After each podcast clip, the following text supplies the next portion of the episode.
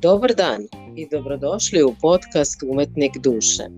Moje ime je Jelena Stefanović ja sam predsednica i osnivač Centra za kreativni i umetnički lični razvoj. Danas govorimo o porodičnom nasleđu i o odnosu sa majkom. I sa mnom je Tanja Marčetić, ona je praktičar koncepta porodične nasledne traume. Tanja, dobro mi došla u ovu epizodu podcasta. Pozdrav Jelena, bolje te našla. Hajde prvo da vidimo a na čemu je baziran taj koncept e, porodične nasledne traume kojom se ti baviš. Kako izgleda taj pristup? U ovom pristupu koristimo znanja iz oblasti psihologije, a konkretno pre i perinatalne psihologije, najviše Mirne Martin, onda koristimo pristupe iz Somatic Experience doktora Peter Levina, koji se bavi istraživanjima reakcija u telu i dalje dr. Diane Poole Heller, njen koncept Dynamic Attachment Repatterning Experience. To je ukratko nekoliko naučnih pristupa u kojima se govori o važnosti porodičnog nasleđa i kako nas ono oblikuje i kako utiče na naše živote danas. Da li bi mogla sa nama da podeliš zbog čega je porodično nasleđe važno i zbog čega čovek treba da se u radu na sebi bavi upravo tom temom? Naravno. O porodičnom nasleđu se danas sve više priča, ali se ponekad to svodi na to da li je neko bacio kletvu na nekog čukundedu koji je opljačkao nekog ili učinio nešto strašno, pa mi sada idemo kod gatare da skine to nešto. To je pogrešan pristup. Ispravno je zapitati se odakle dolazimo i od koga mi to potičemo da bismo znali ko smo i kuda idemo. A porodično nasleđe počinje sa majkom i ocem. I veoma često mi ni ne moramo da idemo dalje od toga, tu ćemo naći sve izbore problema, ali i rešenja za naše teškoće. Ti si napravila podcast pre nekog vremena uh, pod, koji da li deca ispaštaju za grehe svojih roditelja, gde si čitala tekstove rumunskog svetitelja Arsenije Boka, koji govori o tome kako je dete spoj dva roditelja, četvoro baka i deka, osmoro pradeka i tako dalje. I koji govori o tim sklonostima, da svako dete u sebi ima upisane mnoge sklonosti velikog broja predaka. I dobrih i loših. I kaže polovinu od roditelja, četvrtinu od baka i deka, osminu od prabaka i deka i tako dalje. A od svih tih sklonosti da će se pokazati najjačim one od najbližih predaka roditelja. I zato je bitno da mi počnemo u našem porodičnom nasleđu od odnosa sa roditeljima, pa da onda nastavljamo dalje. A ti naši prvi odnosi sa roditeljima postoji velika verovatnoća da će se preslikati i u sve kasnije odnose u životu. Od partnerskih odnosa, poslovnih, prijateljskih i nadalje. E, šta bi to kada pričamo o samoj praksi životnoj trebalo da znači? Da li možeš da daš neki primer kakav problem potencijalno ima čovek u životu sa kojim se susreće i što bi moglo da mu bude odličan parametar da zapravo treba da se pozabavi svojim porodičnim stablom i odnosom sa roditeljima. Šta se njemu dešava u životu? Problem, recimo, nemanja braka ili veze. Ili problem, ako, ima, ako imaju vezu, ako postoje problemi u tim brakovima ili vezama, finansijski problemi, problemi nepripadanja nigde ili nikome ili preteranog vezivanja ili nevezivanja uopšte ima puno veze sa tim našim prvim odnosima. Zapravo, to može da bude i prvi pečat, prvi imprint koji podsvesno može, može da vozi neku priču od pre 20, 30 ili pre 80 godina kad smo se mi možda osjećali nevoljeni, nedovoljno dobri, a možda se i danas tako osjećamo. Da li smo mi nezavisni, da li možemo sve sami u životu, da li moramo sve sami. I mi onda gledamo svugde osim u srž problema. Osim u to kakvi su bili naši prvi odnosi i da li su se oni preslikali na sve kasnije odnose u životu. Tokom jednom, jedne od naših radionica ti si izdvojila odnos sa majkom kao izuzetno značajan. Kako on recimo može da se odražava u životu čoveka, zbog čega je on bitan i šta je to od čega zapravo čovek treba da počne kada pričamo o analizi tog odnosa? Koje pitanja sebi on može da postavi? Povezivanje ili veza sa majkom počinje još od začeća, a ne od porođaja. Mi rastemo unutar njenog tela i sve što ona i jede i pije i sve što ona i misli i osjeća isto tako dolazi do nas. Postoje merljive hemijske reakcije. Znači, majka je naša prva veza sa svetom i sa životom uopšte. I ona je naša prva kuća. I kroz odnos sa njom ili njen odnos sa nama, mi učimo tu šta je to sigurnost, šta je to samopouzdanje, da li smo nekome važni, da li smo bitni, da li mi uopšte postojimo. Još je Heinz Kohut, psihoanalitičar iz 70. godina 20. veka, pričao o sjaju u majčinim očima. Da je taj pogled majke, koji je pun ljubavi, ono što je neophodno bebi za zdrav razvoj. Da nauči da je voljena, da je željena, da uopšte shvati da postoji i da se uči kontaktu sa drugima kao i kontaktu sa samim sobom. Kako mi postojimo u očima drugih? Kako nas oni vide? I da li smo mi uopšte viđeni?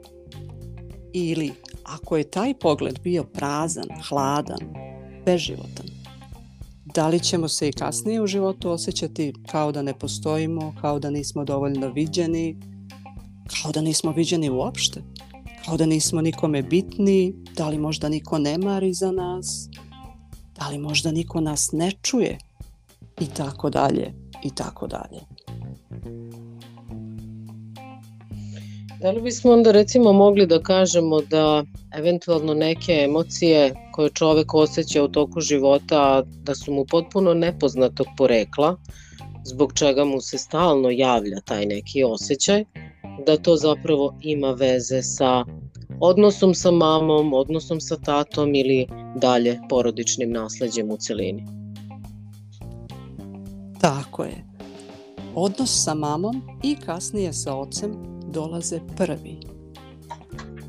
Koliko je taj odnos zdrav i siguran i čvrst, od toga zavisi kako će sve ostale porodične traume koje su se možda desile prethodnim generacijama, baki, deki, prabaki, prabaki, kako će one zapravo pasti na nas i kako ćemo mi da se nosimo sa njima, isto kao i koliko ćemo uspeti da se nosimo sa trenutnim životnim teškoćama. Znači taj prvi odnos, taj pogled pun ljubavi, ta pažnja, taj osjećaj da smo voljeni i željeni preslikaće se i kasnije u životu u sve što radimo i sve što jesmo. I u brak, i u financije, i u prijateljstva, i u to uopšte kakav mi odnos imamo sa sobom.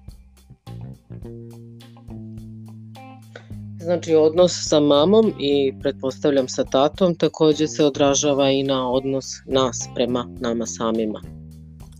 Tako je, ali uvek prvo započinjemo sa majkom, samim tim što smo rasli u njenom stomaku 9 meseci i što smo delili fizičko telo sa njom. A onda naravno ide i otac i tako dalje, kasniji preci. Kaži mi koje pitanja čovek može sebi da postavi u analizi tog odnosa? Šta može sve da preispita? Da li možda može da intervjuiše svoju mamu i da postavi neka pitanja ukoliko je majka živa da bi dobio veću jasnoću? Naravno. i ne samo ako je majka živa. Možemo da postavimo pitanja i drugim članovima porodice. Uvek se desi da neko nešto zna što mi nismo znali. A možda kroz detektivski rad potražimo odgovore. Ili zapravo samo sastavimo fragmente sećanja onog što smo već znali, ali nikada nismo povezivali u celinu. A bitno je šta se dešavalo u vreme začeća, šta se dešavalo u životima mame i tate, a da li je to bilo problema u braku, da li se nešto lepo ili ružno desilo i sa strane, da li je neko od njihovih bliskih članova porodice nastradao, a da li su imali poslovnih problema, da li su imali finansijskih poteškoća, dalje kako smo mi došli na ovaj svet, da li smo bili odmah prihvaćeni, da li smo bili odbačeni, da li je možda majka htela da nas abortira, da li smo mi imali tu toplinu, taj sjaj u majčinim očima i u njenom pogledu od prvih dana života – ili je to bila možda samo hladna, hladan oklop. Kada sva ta pitanja postavimo i stavimo na papir, nacrtamo ponekad crteže, uglavnom se desi da i sami uvidimo koliko to ima veze sa nama danas, sa time kako se osjećamo i kako nama ide i da li možda negde škripi. I ako da, gde je to? Htjela sam da te zamolim isto da podeliš sa nama kada pričamo o samoj traumi. A, jednom trenutku si pominjala eksperiment koji je rađen na miševima, koji mislim da sjajno ilustruje šta se zapravo dešava sa tom traumom na ćelijskom nivou. Da li bi mogla to isto sada da ovom prilikom podeliš sa ljudima koji nas slušaju? Jedna od najznačajnijih studija u oblasti kako se genetički trauma prenosi sa generacije na generaciju je bila sa miševima koji su električnim šokovima traumatizovani kada god im je puštan miris trešnje u cvetu. Naravno, miševi nikada pre toga nisu imali prilike da osete miris trešnje u cvetu, I dešavalo se da kada bi im naučnici pustili taj miris, a da su im istovremeno puštali elektrošokove i mišići bi počeli da skače, da skaču kao opareni.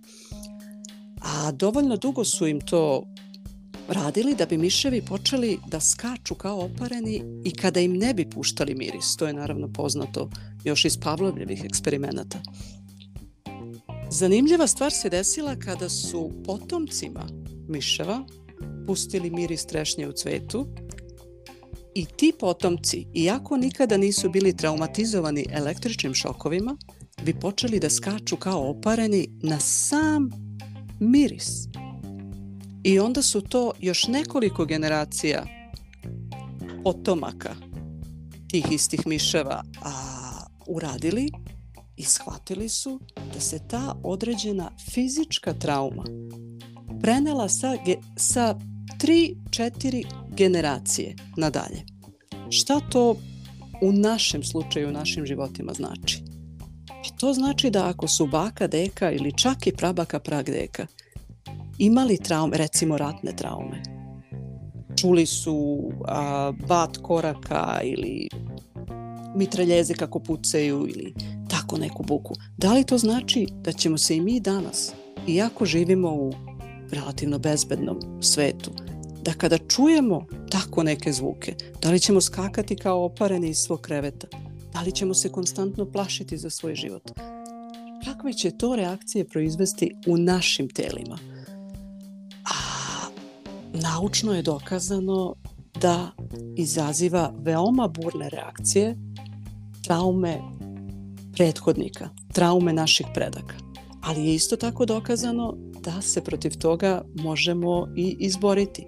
A najlakše se izborimo kada imamo siguran, zdrav i čvrst odnos sa majkom, a onda i sa ocem.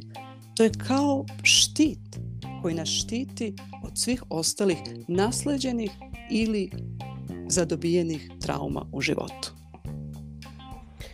Šta bi ti poručila nekome ko sad sluša šta nas dve pričamo i onda negde analizira sobstveni odnos sa mamom ili možda sa tatom i kaže ma da, ali sa njom ne vredi pričati, ona mene nikad nije znala da čuje ili ja kažem jedno, ona shvati drugo.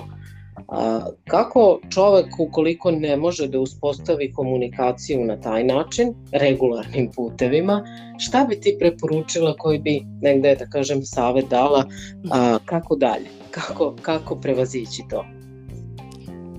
Da shvatimo koliko je taj odnos bitan, smatram najbitniji odnos u životu iz koga proizilaze svi ostali odnosi.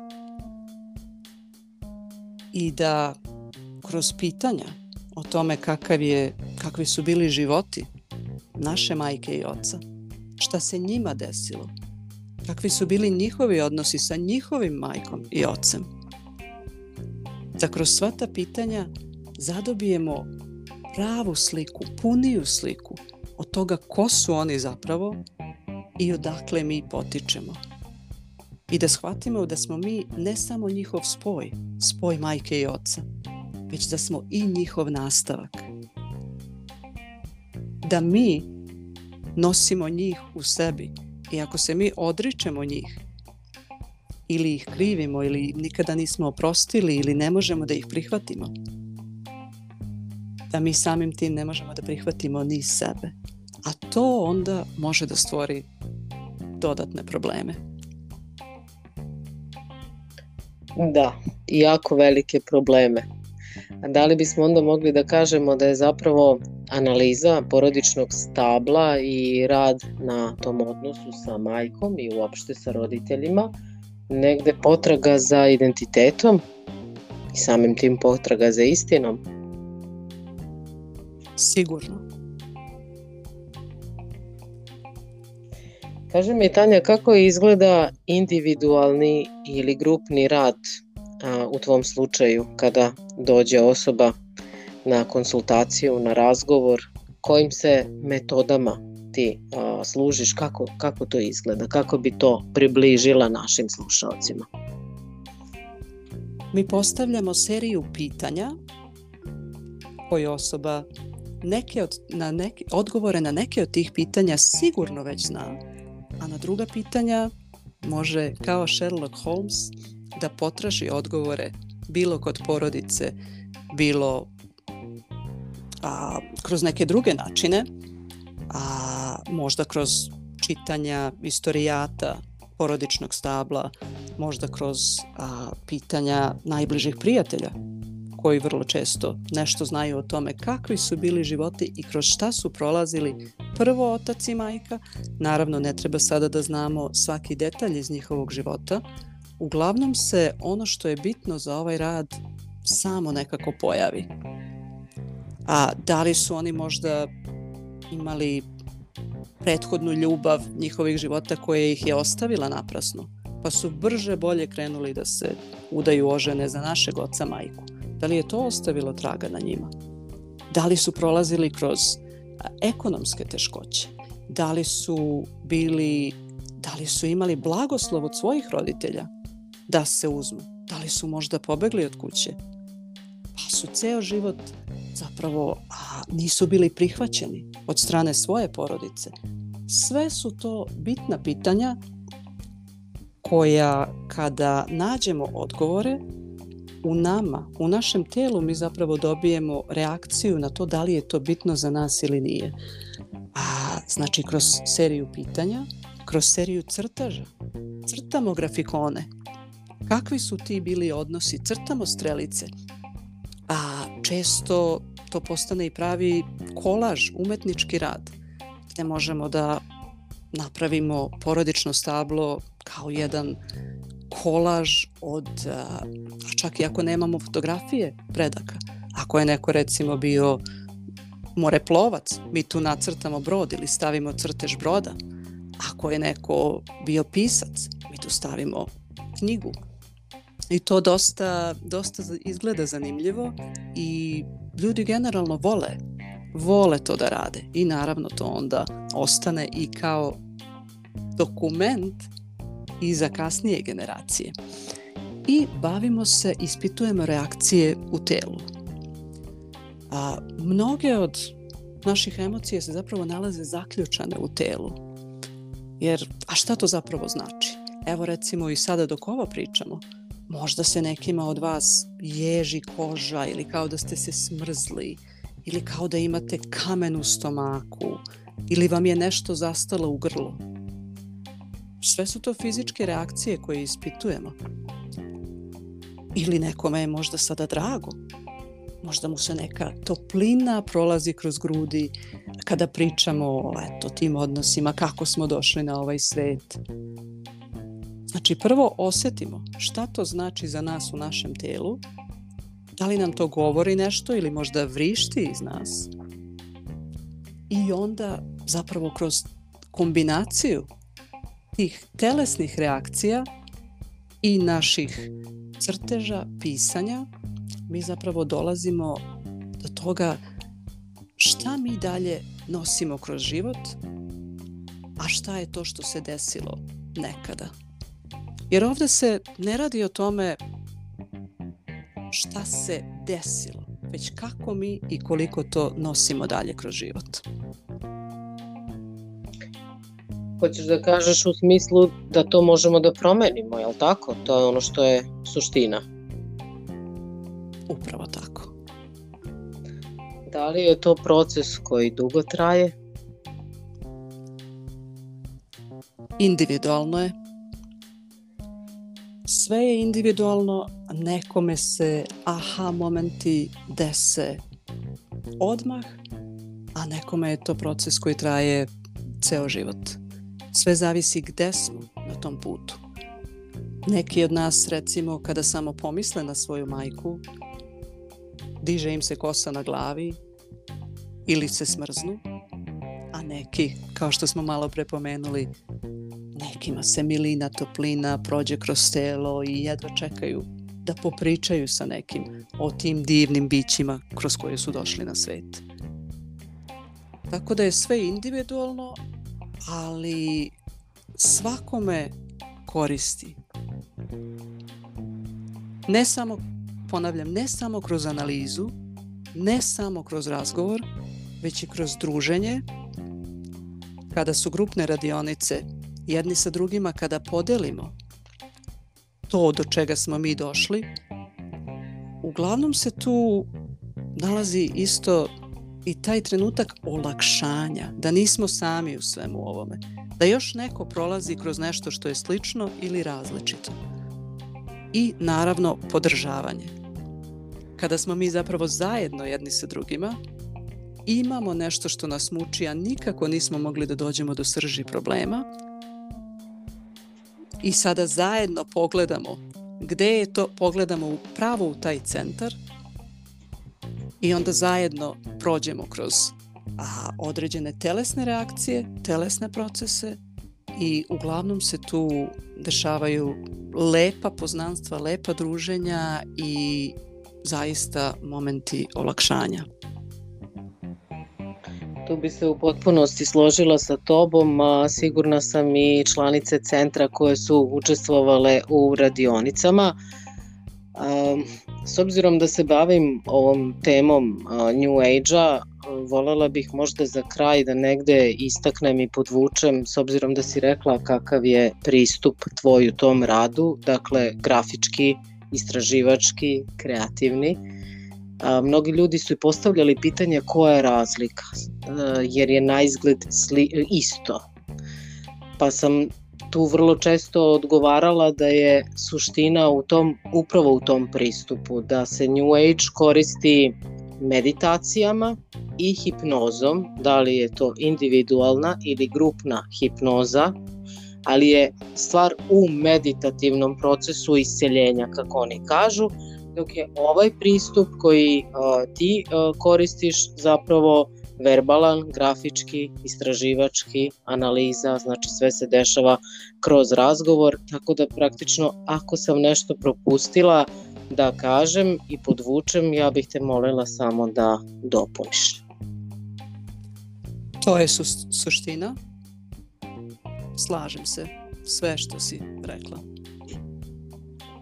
I kaže mi Tanja, za kraj, da li imaš neku poruku, nešto što sam zaboravila da te pitam, što smo možda propustile da pomenemo, a važno je za ovu našu današnju temu? Samo poruku jednu svima, da ako pogledamo našu majku i oca, takvi kakvi zaista jesu, i da pokušamo da ih prihvatimo sa svim što su mogli da nam pruže ili nisu, bez očekivanja, bez krivnje, onakve kakve oni zaista jesu. Koliko god da je to malo ili ne malo, to je poziv jedan svima, da se zapitamo odakle dolazimo i kuda mi to idemo. Tanja, hvala ti puno što si bila a, moj gost u ovoj epizodi podcasta Umetnik duše.